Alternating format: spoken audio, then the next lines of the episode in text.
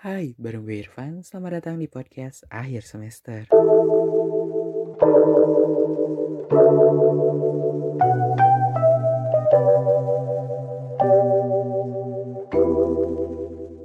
Halo teman-teman mahasiswa, di kesempatan kali ini atau di episode podcast akhir semester kali ini, kita bakalan cerita tentang apa yang gue lakuin ketika pandemi COVID-19.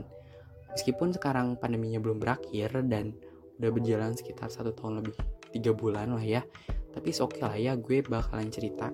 Karena dari cerita gue ini ada pengalaman yang bisa diambil dan mungkin bisa jadi pembelajaran kalau COVID-19 itu nyata dan kita nggak boleh abai akan protokol kesehatan.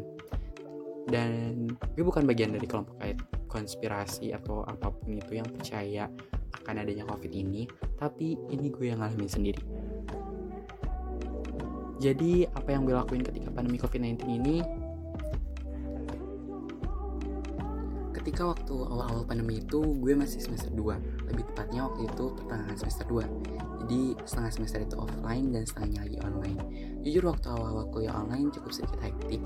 Karena apa? karena mungkin sistem perkuliahan belum siap akan pembelajaran online.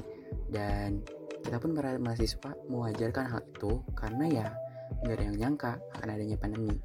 Ini terjadi gitu ya. Dan ketika saat itu pun gue hektik tuh karena gue belum siap jujur dari ketika awal pandemi itu gue benar-benar diem di rumah nggak ke mana-mana.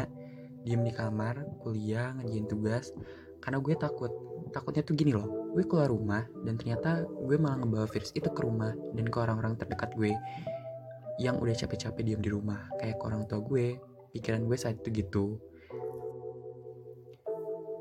Singkat cerita, berjalannya waktu, gue udah terbiasa akan penggunaan masker, hand sanitizer, dan cek suhu tubuh gitu.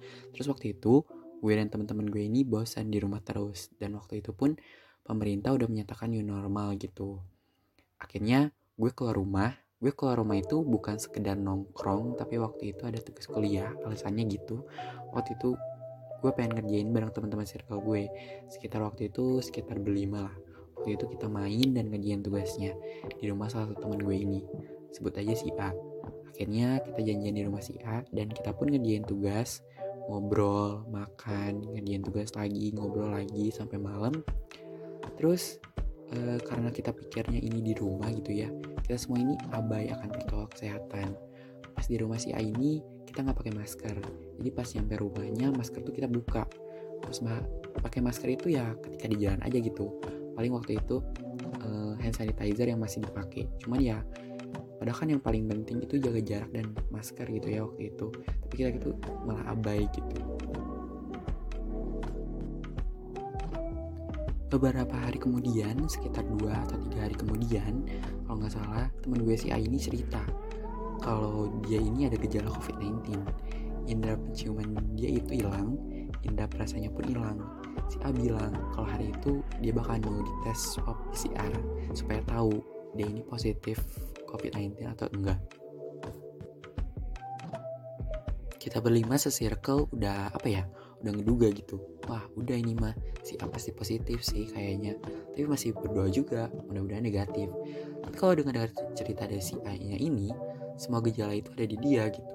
Keesokan harinya hasilnya tuh udah keluar. Dan iya, benar aja. Si A ini positif dan harus isolasi mandiri.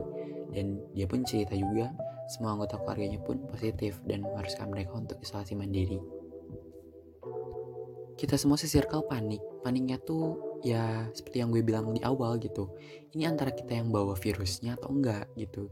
Dan panik juga kita positif juga enggak ya? Dan karena kan kita dari rumah dia gitu. Kita tuh waktu itu circle bertanya-tanya akan hal itu tapi akhirnya ya udahlah ya karena udah kejadian juga jadi akhirnya kita memutuskan untuk isolasi mandiri selama 14 hari sambil cek kesehatan mandiri juga apa ada gejala atau enggak. Mungkin kalian bertanya-tanya kenapa nggak dites aja buat tahu biar pasti? Gitu. Sebelumnya kita semua dihubungi oleh pihak puskesmas karena pihak puskesmas ini tahu si A ini habis ketemu sama kita. Jadi kita di tracing lah sama mereka. Ditanya apakah ada gejala atau enggak dan dari kita semua nggak ada gejala akhirnya pihak puskesmas ini nganjurin buat isolasi mandiri aja biar nggak usah dites kalau misalkan uh, ada gejala baru kata mereka nanti mereka uh, kita datang ke puskesmas untuk dites gitu Nah, selama 14 hari itu kita saling ngasih kabar akan kondisi kita dan ya yang paling parah sih si A ini karena memang dia yang positif. Jadi kita sampai kasihan banget ngelihatnya. Kita tuh sampai bikin ngezoom gitu e, biar kita tahu kabar asli kita tuh masing-masing gimana aslinya. Dan si A ini batuk-batuk yang udah capek gitu loh. Kita pun ngelihatnya aja kita udah capek karena katanya itu sakit, sakit, sesak dan nggak bisa makan karena nggak ada rasanya dan itu tuh berlangsung sekitar seminggu lebih Singkat cerita, udah 14 hari kondisi kita semua masih sehat dan gak ada gejala. Akhirnya, masa isolasi kita udah berakhir dan tinggal si A ini. Katanya sih dia udah enakan dan udah bisa nyium wangi, udah mulai ngerasain makanan lagi juga. Tapi dia masih harus nunggu hasil tes buat mastiin kalau dia itu negatif. Dan dan ternyata nggak lama, bener aja hasilnya tuh dia itu negatif. Nah itu dia kegiatan yang gue lakuin ketika pandemi COVID-19 ini Selain kuliah ternyata gue ngerasain yang namanya isolasi mandiri Jadi dari cerita ini gue jadi tahu kalau ternyata emang bener ada virusnya dan di mana pun kapan pun jangan abai akan protokol kesehatan dan menjalani protokol kesehatannya pun jangan sampai setengah-setengah doang.